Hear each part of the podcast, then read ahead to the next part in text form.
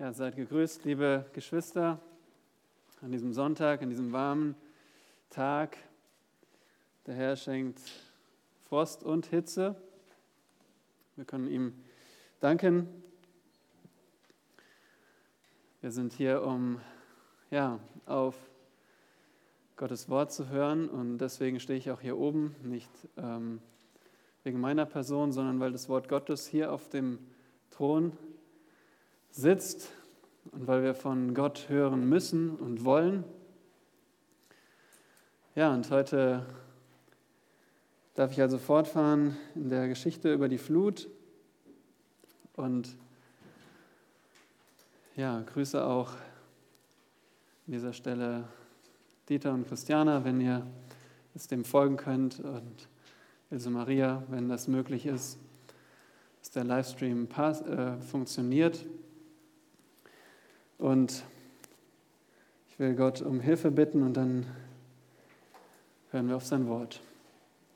Unser Vater im Himmel, haben Dank für deinen Sohn Jesus Christus, den wir ehren auf dem höchsten Thron. Er ist das Ebenbild Gottes. Er ist der Abdruck von deinem Wesen, Vater. Und er ist unsere Freude unser Heil und wir wollen ihn verehren. Wir tun das, indem wir auf dein Wort hören, indem wir auf deine Stimme hören, indem wir sehen, wie schon der Plan der Erlösung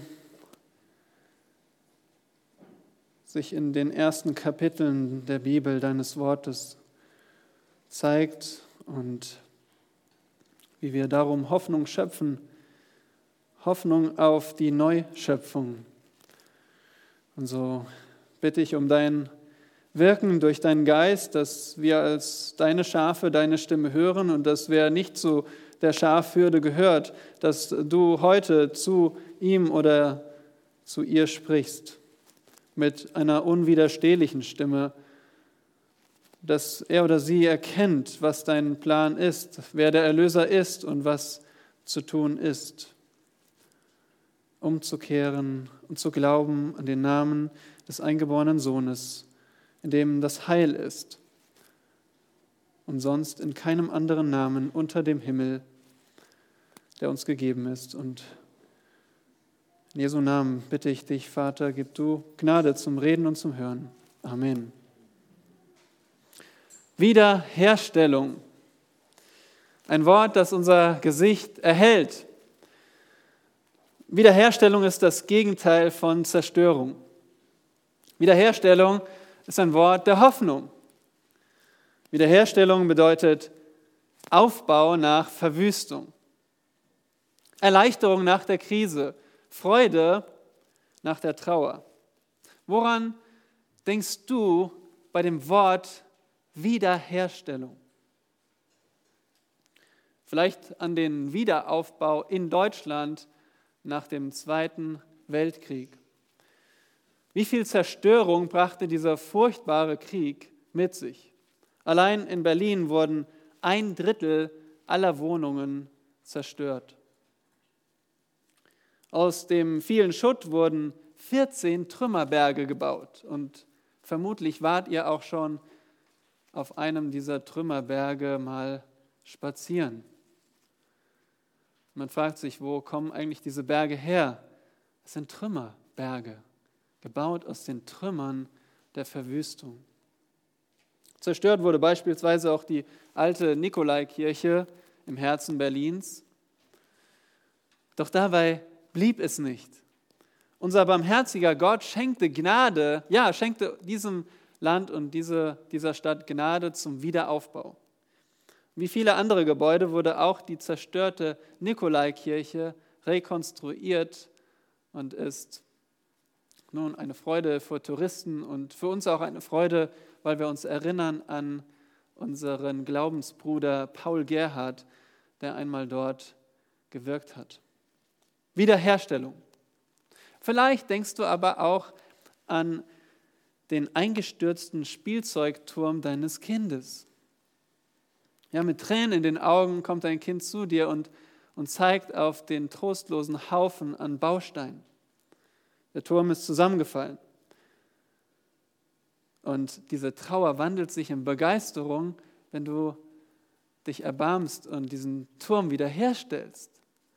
Und so sehen wir selbst im Kleinen, selbst mit einem kleinen Spielzeugturm, wandelt sich Trauer in Freude durch Wiederherstellung.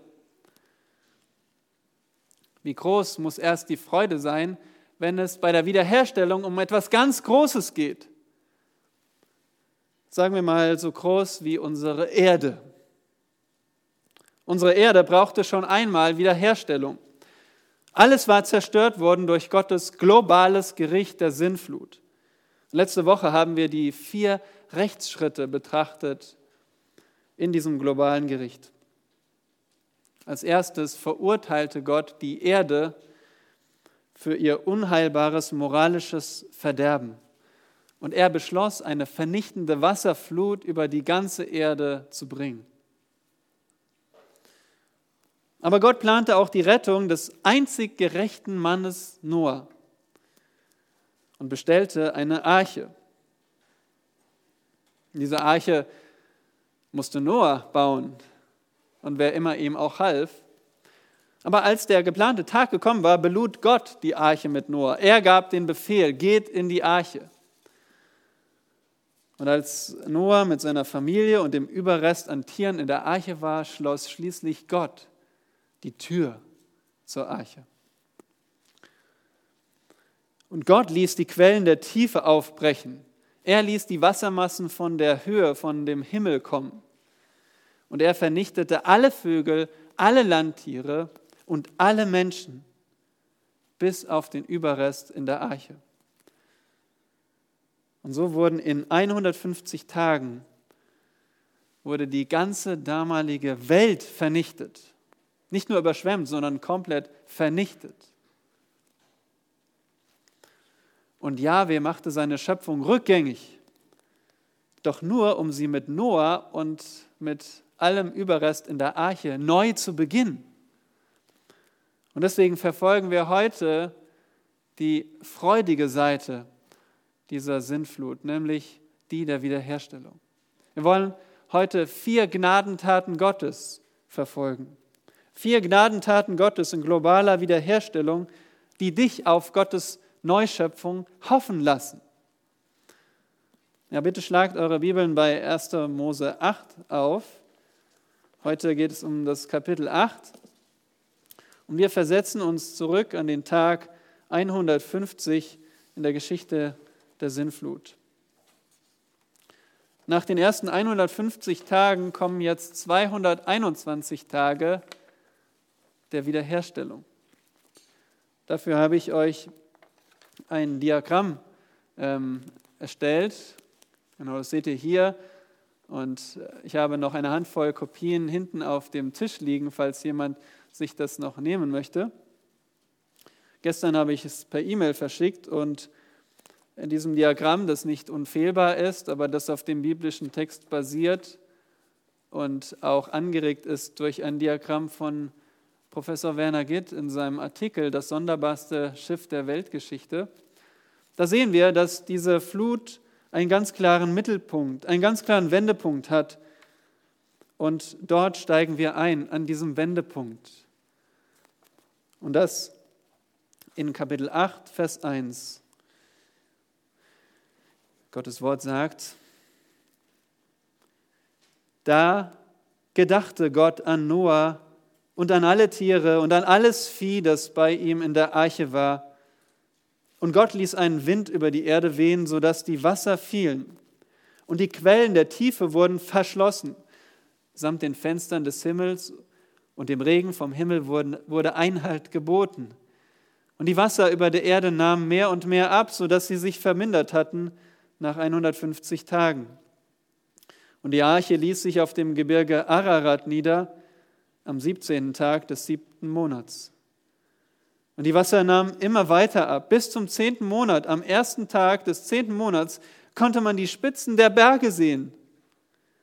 Und es geschah nach Verlauf von 40 Tagen, dass Noah das Fenster an der Arche öffnete, das er gemacht hatte. Und er sandte den Raben aus. Der flog hin und her, bis das Wasser auf der Erde vertrocknet war. Danach sandte er die Taube aus, um zu sehen, ob die Wasser sich verlaufen hätten auf der Fläche des Erdbodens. Aber die Taube fand keinen Ort, wo ihr Fuß ruhen konnte. Da kehrte sie zu ihm in die Eiche zurück, denn es war noch Wasser auf der ganzen Erdoberfläche. Da streckte er seine Hand aus und ergriff sie und nahm sie wieder zu sich in die Arche. Und er wartete noch weitere sieben Tage, dann sandte er die Taube wieder von der Arche aus. Und die Taube kam zur Abendzeit wieder zu ihm. Und siehe, sie hatte ein frisches Ölbaumblatt in ihrem Schnabel. Da erkannte Noah, dass das Wasser sich verlaufen hatte auf der Erde. Und nachdem er noch weitere sieben Tage gewartet hatte, sandte er die Taube wieder aus, da kam sie nicht mehr zu ihm zurück. Und es geschah im 600. Jahr, 601. Jahr, am ersten Tag des ersten Monats. Da waren die Wasser von der Erde weggetrocknet. Noah entfernte das Dach von der Arche und schaute, und siehe, die Fläche des Erdbodens war trocken. Und im zweiten Monat, am 27. Tag des Monats, war die Erde ganz trocken geworden. Da redete Gott zu Noah und sprach, Geh aus der Arche, du und deine Frau und deine Söhne und die Frauen deiner Söhne mit dir, alle Tiere, die bei dir sind, von allem Fleisch, Vögel, Vieh und alles Gewürm, das auf der Erde kriecht, sollen mit dir hinausgehen und sich regen auf der Erde und sollen fruchtbar sein und sich mehren auf der Erde. So ging Noah hinaus, samt seinen Söhnen und seiner Frau und den Frauen seiner Söhne. Alle Tiere, alles Gewürm und alle Vögel, alles, was sich regt auf der Erde nach seinen Gattungen, das verließ die Arche. Noah aber baute Jahwe einen Altar und nahm von allem reinen Vieh und von allen reinen Vögeln und opferte Brandopfer auf dem Altar. Und Jahwe roch den lieblichen Geruch und Jahwe sprach in seinem Herzen, ich will künftig den Erdboden nicht mehr verfluchen, um des Menschen willen. Obwohl das Trachten des menschlichen Herzens böse ist, von seiner Jugend an. Auch will ich künftig nicht mehr alles Lebendige schlagen, wie ich es getan habe. Von nun an soll nicht aufhören Saat und Ernte, Frost und Hitze, Sommer und Winter, Tag und Nacht, solange die Erde besteht. Und wir sehen vier Gnadentaten Gottes in globaler Wiederherstellung, die dich auf Gottes Neuschöpfung hoffen lassen. Ja, Gnade Gottes, darum geht es in dieser Botschaft. Am Anfang von Noahs Leben im Glauben stand Gottes Gnade in 6 Vers 8, wo es heißt, Noah fand Gnade in den Augen Jahwes. Gottes Gnade trug auch Noah und alle in der Arche durch diese Flut. Am Ende von Kapitel 7 ist das Gericht ausgeführt. Ja, am Ende von Kapitel 7 ist wirklich alles Lebendige, was auf der Erde lebte, vernichtet. Ihr habt bestimmt schon bemerkt, dass wir nicht von Fischen lesen, sondern die Fische leben im Wasser. Noah brauchte keine Fische in die Arche zu nehmen. Aber doch sind viele dieser Meerestiere umgekommen. 95 Prozent, mindestens 95 Prozent aller bekannter Fossilien sind Meerestiere. Die Landtiere und Menschen, die wurden gar nicht erst fossiliert in großer Zahl. Sie wurden einfach völlig vernichtet von Wasser gemischt mit Steinen und Schlamm, alles vernichtet. Aber jetzt ist das Gericht vorbei. Jetzt fokussiert sich der Bericht auf die Gnade Gottes. Gott ist es, der handelt in den vier Gnadentaten. In seiner Gnade stellt er die Erde wieder her. Aber diese Wiederherstellung ist ja noch nicht am endgültigen Ziel. Wir leben noch nicht in der völlig erneuerten Welt. Und darum ist auch diese Wiederherstellung hier in diesem Text nur ein Vorgeschmack für uns auf Gottes zukünftige Wiederherstellung. Und das ist unsere Hoffnung, die zukünftige Wiederherstellung. So macht Gott uns Hoffnung mit dieser Botschaft. Nun, was ist die erste Gnadentat Gottes in globaler Wiederherstellung? Die erste Gnadentat ist, Gott beendet die Flut. Gott beendet die Flut in den Versen 1 bis 5. Der Flutbericht erreicht jetzt den Wendepunkt. Souverän beendet Gott die Flut und setzt das Absinken des Wassers in Gang. Und jetzt wacht die Hoffnung auf trockenen Boden auf. Die Wasser sinken. Beachtet mal diesen zentralen Vers der Flutgeschichte. Es ist äh, wie der Mount Everest in der Geschichte der Flut, Kapitel 8, Vers 1.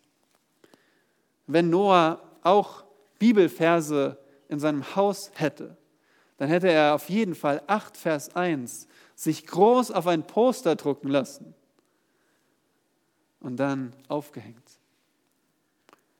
Da gedachte Gott an Noah. ihr fragt vielleicht, hatte Gott Noah vergessen? Hat er sich jetzt erst erinnert am 150. Tag? Und wir brauchen gar nicht mehr von der Bibel haben, um zu wissen, dass Gott alles weiß. In 1. Mose 3 wusste Gott um Adam und Evas Sünde. In 1. Mose 4 wusste er genau, was Kain getan hatte. Abel hatte er umgebracht. Und in Kapitel 6 wusste Gott genau, wann die Flut kommen würde. Gott weiß alles. Gott hatte Noah nicht vergessen. Nein, es heißt ja auch, da gedachte Gott an Noah. Nicht an etwas Bestimmtes über Noah, sondern er dachte einfach an Noah. Und das ist eine Sprache des Bundes. Das bedeutet, Gott handelt jetzt gemäß seiner Verheißung. Gott gedachte an Noah bedeutet, Gott handelt jetzt für Noah und für alle mit ihm.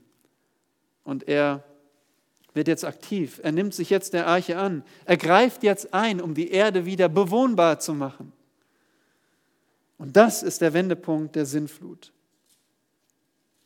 Betrachtet mal mit mir, wie Gott jetzt in drei Schritten vorgeht, um die Flut zu beenden. Schaut mal in Vers 1, 8 Vers 1, was passiert da? Im ersten Schritt, Gott ließ einen Wind über die Erde wehen. Wörtlich steht hier das Wort Elohim für Gott und dann Ruach für Wind. Woran erinnert uns das? An den ersten Schöpfungstag. Denn dort in 1. Mose 1, Vers 2 steht doch, und der Geist Gottes schwebte über den Wassern. Der Geist Gottes ist das Wort Ruach Elohim, der Geist Gottes. Und so sehen wir hier Jetzt werden wir erinnert an den ersten Schöpfungstag. Im zweiten Schritt, und schaut mal in Vers 2, und die Quellen der Tiefen wurde verschlossen. Auch die Fenster des Himmels. Und ihr erinnert euch von letztem Mal, aha, das waren noch diese zwei Mechanismen, wodurch diese Flut kam. Einmal diese unterirdischen Wasser, die aufbrachen, und dann dieser Regen von oben. Gott beendet jetzt beides. Er dreht sozusagen den Hahn ab und die Wasserzufuhr wird gestoppt. Hier in Vers 2 am Ende steht sogar, dem Regen vom Himmel wurde Einhalt geboten. Daraus lernen wir, dass es nicht nur 40 Tage regnete, sondern 150 Tage regnete es durch. 40 Tage braucht es, um die Arche anzuheben, damit sie schwamm. Aber 150 Tage regnete es ununterbrochen. Aber jetzt stellt euch mal vor, die Fenster des Himmels werden geschlossen. Der Regen hört zum ersten Mal nach fünf Monaten auf. Stellt euch das mal vor. Also, wie sieht das Meer aus, wenn es regnet? Ihr habt unten eine graue Masse, ihr habt oben graue Wolken und dazwischen der Regen. Man sieht nichts. Aber jetzt hört der Regen auf. Vielleicht äh, sieht man zum ersten Mal wieder Wolken formen. Die Wolken brechen auf und die Sonne kommt durch.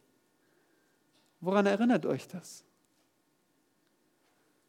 An den zweiten Schöpfungstag, oder? Als Gott die Atmosphäre schuf, die Ausdehnung.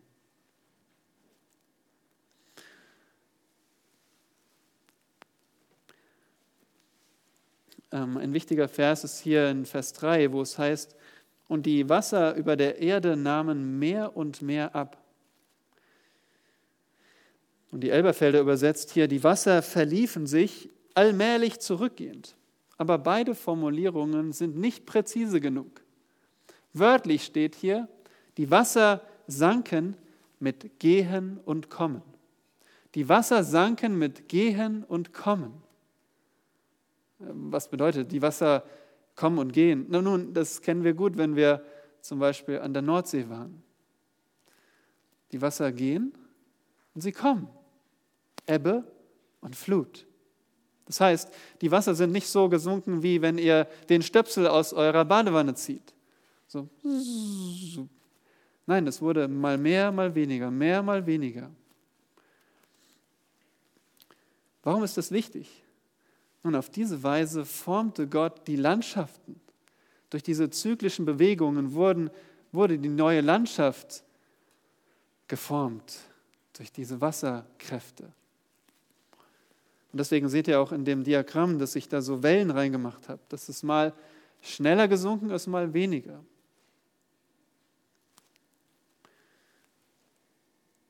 Noch ein Kommentar zu Vers 3. Hier steht, dass ähm, die Wasser abnahmen, sodass sie sich vermindert hatten nach 150 Tagen. Aber diese Übersetzung ist nicht besonders glücklich, weil was, was hier steht, ist, wie es in der Elberfelder heißt, und die Wasser nahmen ab nach Verlauf von 150 Tagen. Wie es auch im Diagramm dargestellt ist, nach diesen 150 Tagen, da begann es mit dem Abnehmen. Das sind also, ist da also der Wendepunkt. Aber dann geschieht es in Vers 4, gerade ein Tag ist vergangen nach dem 150. Tag und die Arche läuft auf Grund. Am 17.07., am 17.07., also fünf Monate nach Beginn der Flut, ließ sich die Arche nieder. Wörtlich, sie ruhte auf dem Gebirge Ararat. Und dieses Gebirge gibt es wirklich dort wo die Türkei, Armenien und der Iran aneinander grenzen. Es gibt auch den sogenannten Berg Ararat. Ich habe euch ein Bild mitgebracht, wo ihr diesen Berg seht. Sehr schöner Berg. Man hat auch da vergeblich nach der Arche gesucht. Aber darum geht es gar nicht. Es geht gar nicht um einen bestimmten Berg. Hier steht ja äh, das Gebirge Ararat oder wörtlich die Berge Ararat. Also ein, ein ganzes Gebirgsmassiv war dort und auf irgendeinem dieser Gipfel ließ sich die Arche nieder. Nicht wichtig, auf welchem genau. Aber nun war die Fahrt vorbei. Ja, diese fünf Monate fuhr die Arche ohne eine, ein bestimmtes Steuer auf dem Wasser, aber jetzt ruhte sie still. Und dann in Vers 5,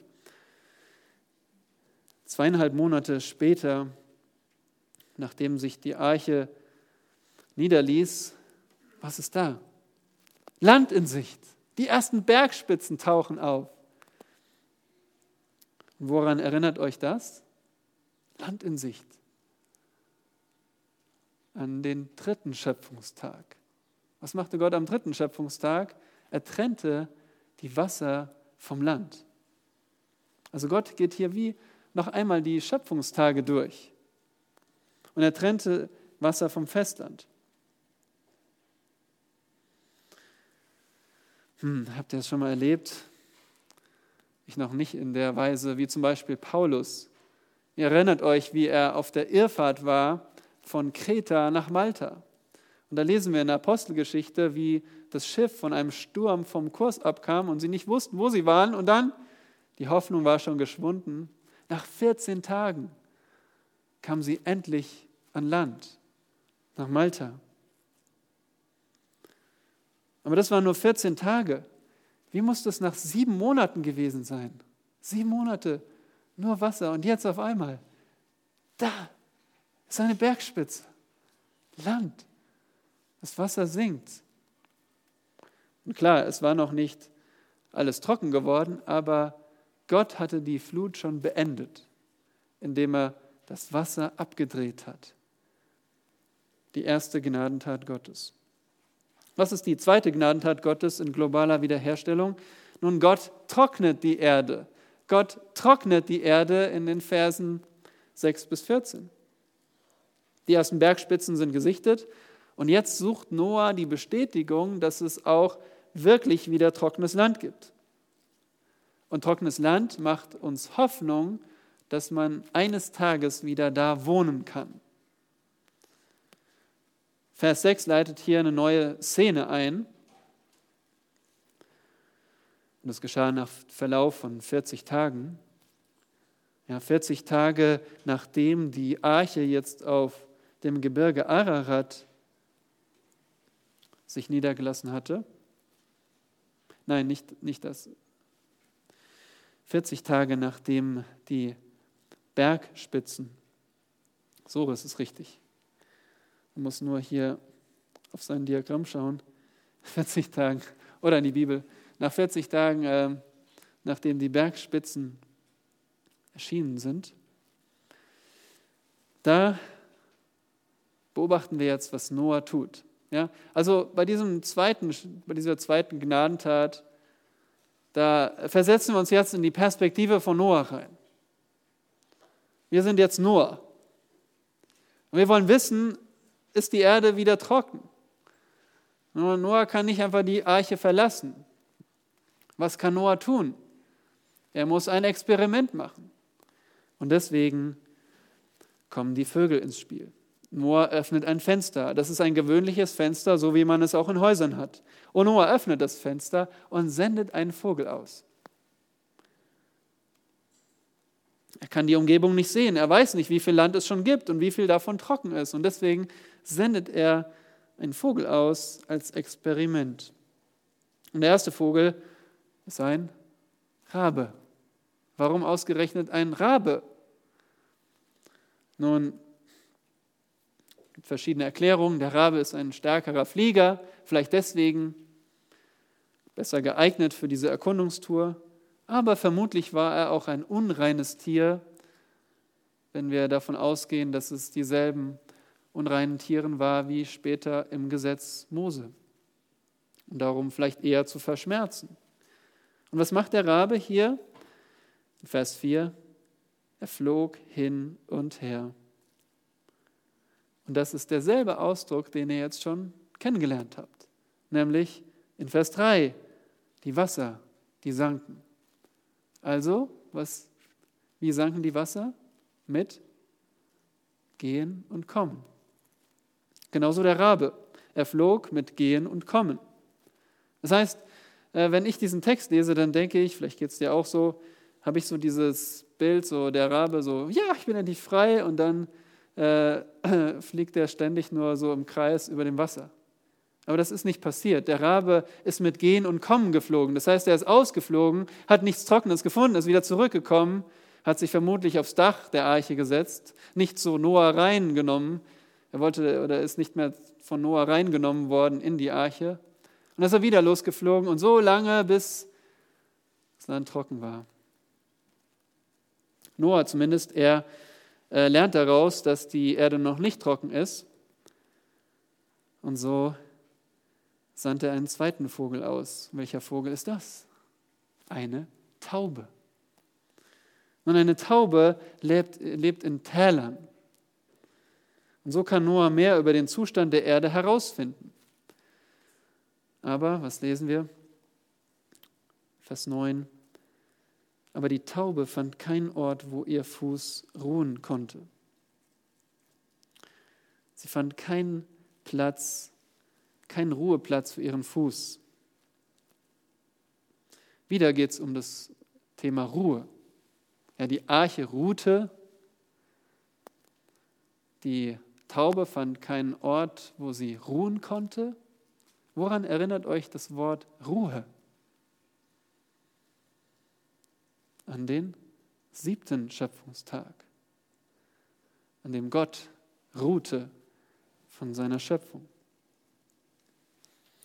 Und dieses Wort Ruhe kommt uns jedes Mal vor, wenn wir Noahs Namen lesen, weil Noahs Name bedeutet Ruhe. Das war die Hoffnung von seinem Vater Lamech, dass mit Noah auch wieder Ruhe kommt. Ruhe, eine Welt der Ruhe, so wie Gott sie gemacht hatte. Nun sieben Tage später sendet Noah dieselbe Taube noch einmal los. Das lesen wir in Vers 10. Und in Vers 11, die Taube kam zurück. Aber was ist das? Was bringt sie mit? Siehe, sie hat etwas im Schnabel, ein, einen Zweig, ein frisches Olivenblatt. Sie hatte ein frisches Ölbaumblatt in ihrem Schnabel, kein Zweig. Also wissen wir nicht, vielleicht hatte sie einen Zweig, aber man denkt immer so, hat dieses Bild vor Augen, so eine Taube mit Zweig. Hier steht ein Ölbaumblatt, ein Oliven, ein Blatt von einer jungen Olivenpflanze. Woran erinnert euch das? An welchen Schöpfungstag? Wann hat Gott die Pflanzen geschaffen? Am dritten Tag. Am vierten waren Sonne, Mond und Sterne, aber ganz nah dran. Am dritten Tag, da trennte Gott nicht nur das Wasser vom Festland, sondern befahl auch dem Erdboden, dass Pflanzen hervorkommen. Gott stellt die Erde wieder her. Und wieder wartet Noah eine Woche, dann sendet er die Taube erneut aus Vers 12. Und da kam sie nicht mehr zu ihm zurück. Sie hat einen Platz gefunden, wo sie ruhen kann. Ein Ruheplatz. War das das Signal zum Aufbruch? Alle raus? Nein. Noah übt sich in Geduld. Noah, von dem wir kein Wort lesen in dieser äh, Flutgeschichte, er wartet, bis Gott redet. Er wartet, bis Gott das Signal gibt. Was macht er als nächstes? Am 601. Jahr, am ersten Tag des ersten Monats. Das war übrigens sein Geburtstag. Die, die Jahre der Flut und die Tage werden ja nach seinem Leben datiert. Das heißt, am 1.1. war sein Geburtstag. Noah hat Geburtstag und was macht er an seinem Geburtstag? Er öffnet das Dach der Arche. Er entfernt diese schützende Hülle und er blickt nach draußen. Siehe, die Erde ist trocken. Ja, wo vorher nur Wasser zu sehen war, da sieht er jetzt trockenes Land. Ist das das Zeichen zum Aufbruch? Nein, denn jetzt kommt Gottes finale Trocknungsphase. Die Wasser hatten sich zwar verlaufen, das sah Noah, aber es ist wahrscheinlich immer noch zu matschig, äh, zu, zu ungeeignet, um jetzt darauf zu laufen. Und deswegen, Gott ist so gütig, ja, er ist gnädig, er lässt sie jetzt noch weitere 56 Tage warten, bis die Erde auch trocknen kann und sicher noch schöner wird, sicher noch äh, mehr Blumen wachsen und Bäume und es immer mehr paradiesähnlich aussieht. Aber halten wir mal kurz inne und machen uns bewusst, vor fünfeinhalb Monaten war die ganze Erde mit Wasser bedeckt, kein Fleck trockenes Land, überall nur Wasser. Und jetzt blickt Noah aus der Arche und sieht trockenes Land. Ist das nicht Gewaltig? So, so etwas hat keiner von euch, kein anderer Mensch je erlebt. So etwas Gewaltiges. Und wir können uns fragen, wo ist denn eigentlich dieses ganze Wasser hin? Nun, das ganze Wasser ist dort. Schauen wir mal auf dieses Bild. Der blaue Planet. 70 Prozent der Erdoberfläche ist mit Wasser bedeckt. Ja, der Meeresboden, das wisst ihr, der reicht an manchen Stellen tiefer als die höchsten Berge. Sehr wahrscheinlich gab es damals auch noch keinen Mount Everest, denn die, ganz kurz, aber die, die Tiefen brachen auf. Das heißt, es gab wirklich seismische Aktivität, also äh, massive Bewegungen der Erdkruste. Und so hat ein Prozess begonnen, der über die Flut hinaus wahrscheinlich reichte. In dieser Zeit haben sich nicht nur Erdboden abgesenkt, sondern auch ähm, die Kontinente verändert oder überhaupt erst, vielleicht gab es einen großen Kontinent, der dann langsam auseinandergebrochen ist. Und dann die Berge, wie sie jetzt heute sind, aufgefaltet wurden. Aber Fakt ist, das Wasser der Sinnflut ist in unseren Ozeanen. Wenn ihr über den Ozean geflogen seid mal, dann seid ihr über die Wasser der Sinnflut geflogen. Und wir werden daran erinnert, an dieses Gericht, das unseren Planeten verändert hat und uns mahnt, dass Gott der gerechte Richter ist. Aber wenn so viel Wasser abfließt, würde das nicht auch Spuren hinterlassen? Oh ja, schaut mal auf das nächste Bild.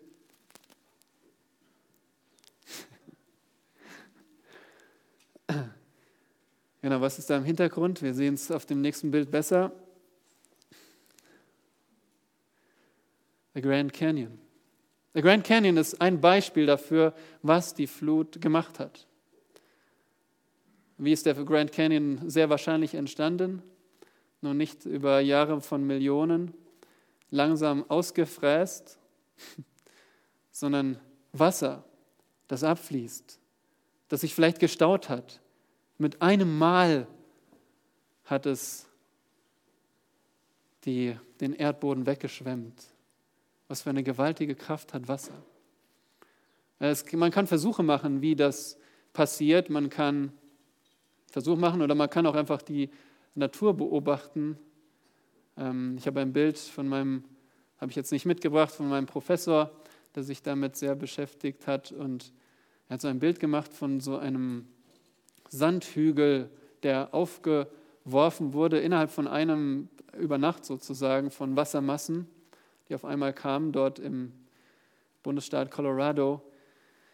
Und dann wurden diese Wasser auch wieder, haben sie von dem Boden was abgetragen und da entstand dann so eine, so eine Schlucht in Miniaturform und sie sah so aus wie der Grand Canyon.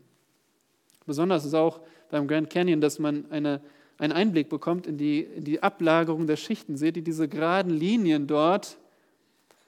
Das spricht für katastrophische Ablagerung, nicht für Ablagerungen, wenn immer mal wieder nach einem Jahr Millionchen eine neue Schicht dazukommt. Die sind so gerade.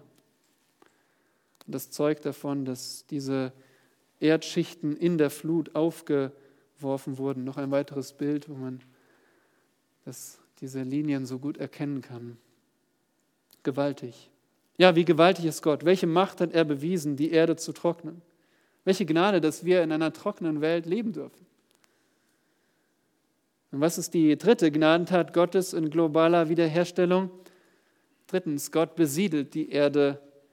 Gott besiedelt die Erde, Vers 15 bis 19. Ja, endlich ist die Erde erwiesenermaßen trocken. Jetzt erfüllt Gott die Hoffnung, die Erde auch wieder neu zu besiedeln. Und das lässt hoffen, dass Mensch und Tier auch länger dort leben können. Noah wartet also geduldig, bis Gott spricht und endlich nach einem vollen Jahr Sintflut, nach einem vollen Jahr in der Arche redet Gott zu Noah hier in Vers 15. Seht ihr das? Da redete Gott zu Noah und sprach, geh aus der Arche. Geh hinaus. Diese Szene wird von dem Schreiber hier ausgekostet. In allem Detail. Das ist so ein monumentales Ereignis. Geh hinaus. Keiner darf es verpassen. Noah, nimm deine Familie, deine Frau, deine Söhne und deine Schwiegertöchter und geh aus der Arche. Aber Vers 17 enthält auch einen zweiten Befehl, der wird hier im Deutschen nicht so deutlich. Wörtlich lautet dieser Befehl, führe hinaus. Noah, öffne die Gehege der Wildtiere, öffne die Voliere der Vögel, Öffne die Stelle des Viehs, öffne die Kästen der Insekten, der Reptilien und der Amphibien und führe sie alle hinaus. Die Erde ist bereit für euch. Und was ist Ihr Auftrag auf der Erde? Achtet mal auf Vers 17. Sie sollen fruchtbar sein und sich mehren auf der Erde. Woran erinnert euch das? An Kapitel 1, Vers 22 oder Vers 28. Gottes Befehl am sechsten Schöpfungstag, am fünften und am sechsten, an die Tiere und an die Menschen, die Erde zu füllen, zu Gottes Herrlichkeit. Die neue Schöpfung ist fast komplett. Und wie reagiert Noah? So, wie wir ihn kennen. Er diskutiert nicht, er hinterfragt nicht, sondern er gehorcht direkt. Er geht, in Vers 18 seht ihr das, er ging hinaus. Und Noah schenkte den Tieren die Freiheit und so besiedelten sie die neue Erde. Und was ist die vierte Gnadentat Gottes in globaler Wiederherstellung? Viertens, Gott verspricht Fortbestand. Gott verspricht Fortbestand. Ja, die Erde ist jetzt neu besiedelt, aber die Frage, wie lange dauert das an? Jetzt bestätigt Gott auch die Hoffnung auf den Fortbestand der Erde, dass es so bleibt. Stellt euch diesen gewaltigen Moment vor.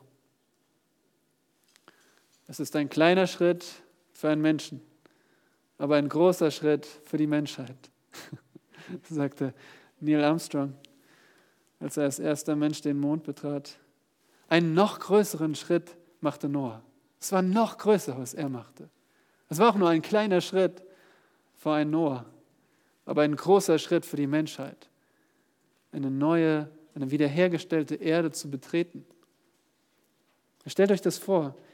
Kein anderer Mensch hat das so gewaltig erlebt, wie Gott seinen heiligen Zorn über die Erde ausgoss. Kein Mensch hat erlebt, wie Gott seine Rettung zeigte und wie Gott wiederherstellte. Fühlt ihr mit Noah?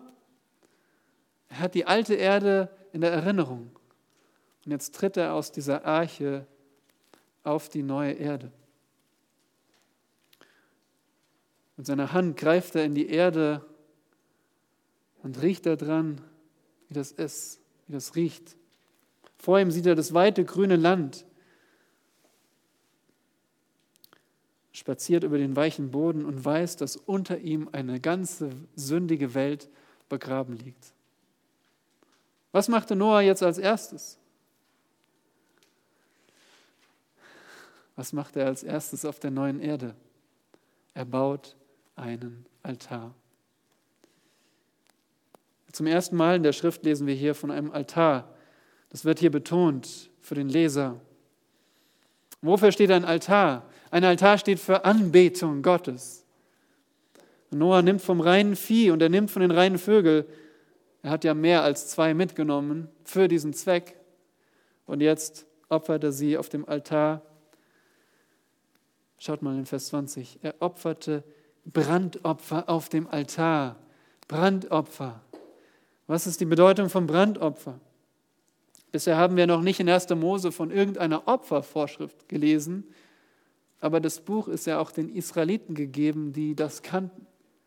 Und sie wussten, ein Brandopfer ist ein Opfer, wo ich das Tier töte und es komplett im Feuer aufgeht. Ein Brandopfer bedeutet ganze Hingabe an Gott. Und so ist Noah. Er drückt feierlich die ganze Hingabe an Gott aus. Gott musste nicht Noah zum Opfern äh, bringen. Er musste ihm nicht irgendwie einen Anstoß geben. Noah, es wäre jetzt mal gut, wenn du ein Opfer opferst. Nein, Noah hat es von sich aus getan. Er betritt die neue Erde und er ist so dankbar für Gottes Gnade, dass er die Erde wiederhergestellt hat, dass sie neu beginnen können, dass er Gott dankt. Er regt nicht seine Faust nach oben und sagt, Gott, du hast diese ganze Welt vernichtet. Und er beugt sich nieder vor Gott und sagt, du bist gerecht. Jahwe, dich allein bete ich an. Du hast mit dieser Welt gerecht gehandelt. Ich war machtlos, die Erde zu verändern. Ich war unfähig, dem Gericht zu entfliehen. Ich war genauso schuldig. Auch ich bin schuldig und verdiene den Tod, so wie dieses, dieses Tier jetzt vor mir auf dem Altar stirbt. Jahwe, ich staune über deine weise Erlösung. Ich danke dir für deine Gnade und ich beuge mich unter deine Herrschaft. Wie reagiert Gott in Vers 21? Jahwe roch den lieblichen Geruch. Gott wird hier nicht manipuliert. Aber Gott sieht das Opfer von Noah, dass es von Herzen kommt. Und aus Gnade nahm Jahwe das Opfer an. Und aus Gnade wendet Jahwe jetzt als Reaktion seinen Zorn von der ganzen Welt ab, von den Überlebenden. Schaut mal in Vers 21, sprach Jahwe in seinem Herzen, ich will künftig den Erdboden nicht mehr verfluchen, um des Menschen willen, obwohl das Trachten des menschlichen Herzens böse ist von seiner Jugend an. Woran erinnert euch diese Ausdrucksweise? In Kapitel 6, Vers 5, oder? Wo Gott vor der Flut sagt, dass die Bosheit des Menschen sehr groß war auf der Erde und alles Trachten der Gedanken seines Herzens alle Zeit nur böse. Also daran merken wir, dass dieses den Erdboden verfluchen die Flut meint. Nicht der Fluch, der durch die Sünde Adams kam, der ist immer noch da. Aber der Fluch, die Erde jetzt auszulöschen, diese, von diesem Fluch wendet sich Gott ab und sagt, ich will nicht mehr auf diese Weise die Lebendigen töten. Interessant, dass hier im Hebräischen die stärkst, stärkstmögliche Verneinung gebraucht wird. Also wörtlich, niemals mehr will ich den Erdboden verfluchen und niemals mehr alles Lebendige schlagen, wie ich es getan habe durch diese Wasserflut.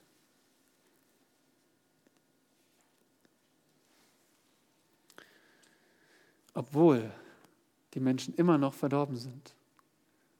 Damit wurde die Sünde nicht ausgerottet, denn Noah brachte sie mit seiner Familie mit.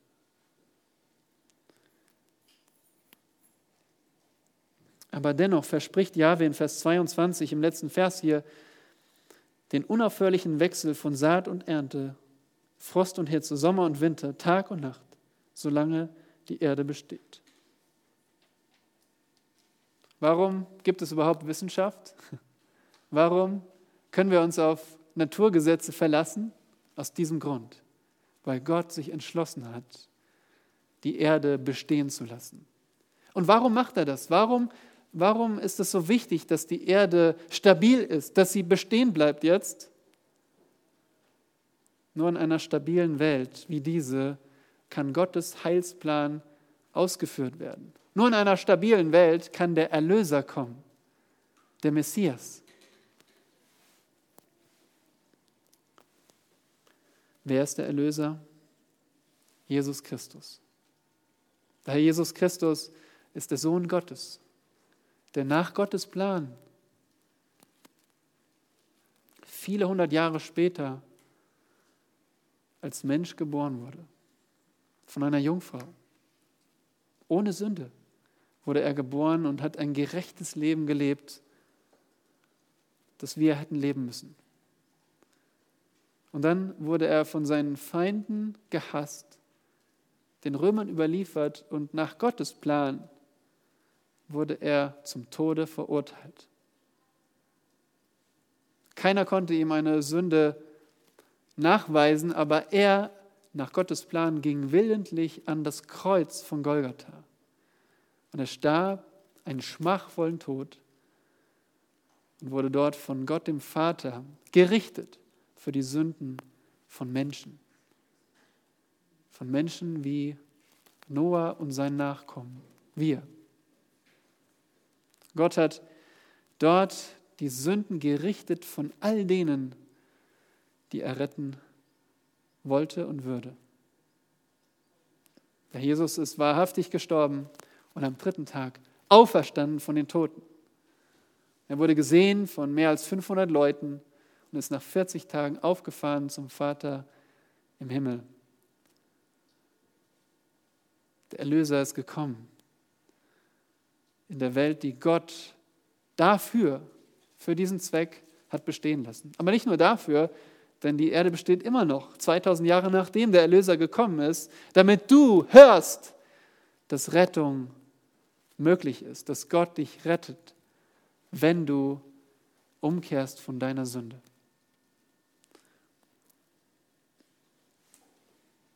Ja, Wiederherstellung für diese Welt muss kommen.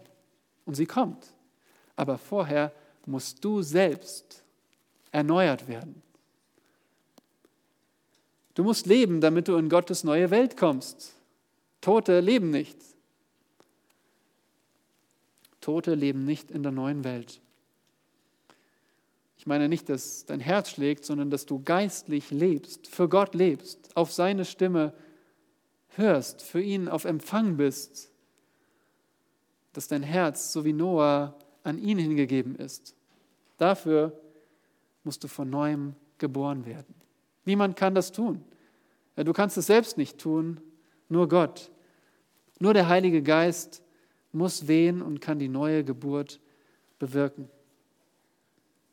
Ja, wo der Herr Jesus darüber lehrt, über die neue Geburt, in Johannes 3, und sagt, du musst von neuem geboren werden. Da spricht er auch von etwas anderem, sehr Wichtigen. Er sagt, und wie Mose in der Wüste die Schlange erhöhte, so muss der Sohn des Menschen erhöht werden, damit jeder, der an ihn glaubt, nicht verloren geht, sondern ewiges Leben hat. Gott muss, dich, muss dir ein neues Herz schenken. Er muss dich erneuern. Wozu du aufgerufen bist, ist zu glauben an den Sohn Gottes, an Jesus Christus, den einzigen Erlöser. Wenn du jetzt seine Stimme hörst, dann glaube an ihn und kehre um. Ja, so wie es in Apostelgeschichte 3 heißt, da lesen wir von der Wiederherstellung, die kommen soll. Petrus verkündet das.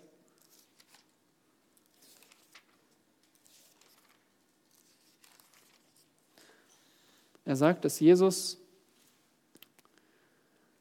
dass Jesus jetzt im Himmel ist und er sagt, Vers 21, den der Himmel aufnehmen muss.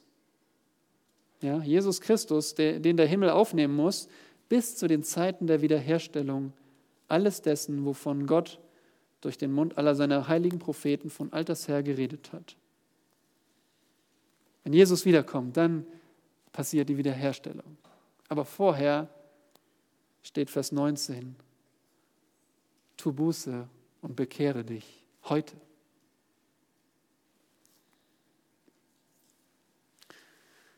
Bist du schon ein wiedergeborenes Kind Gottes?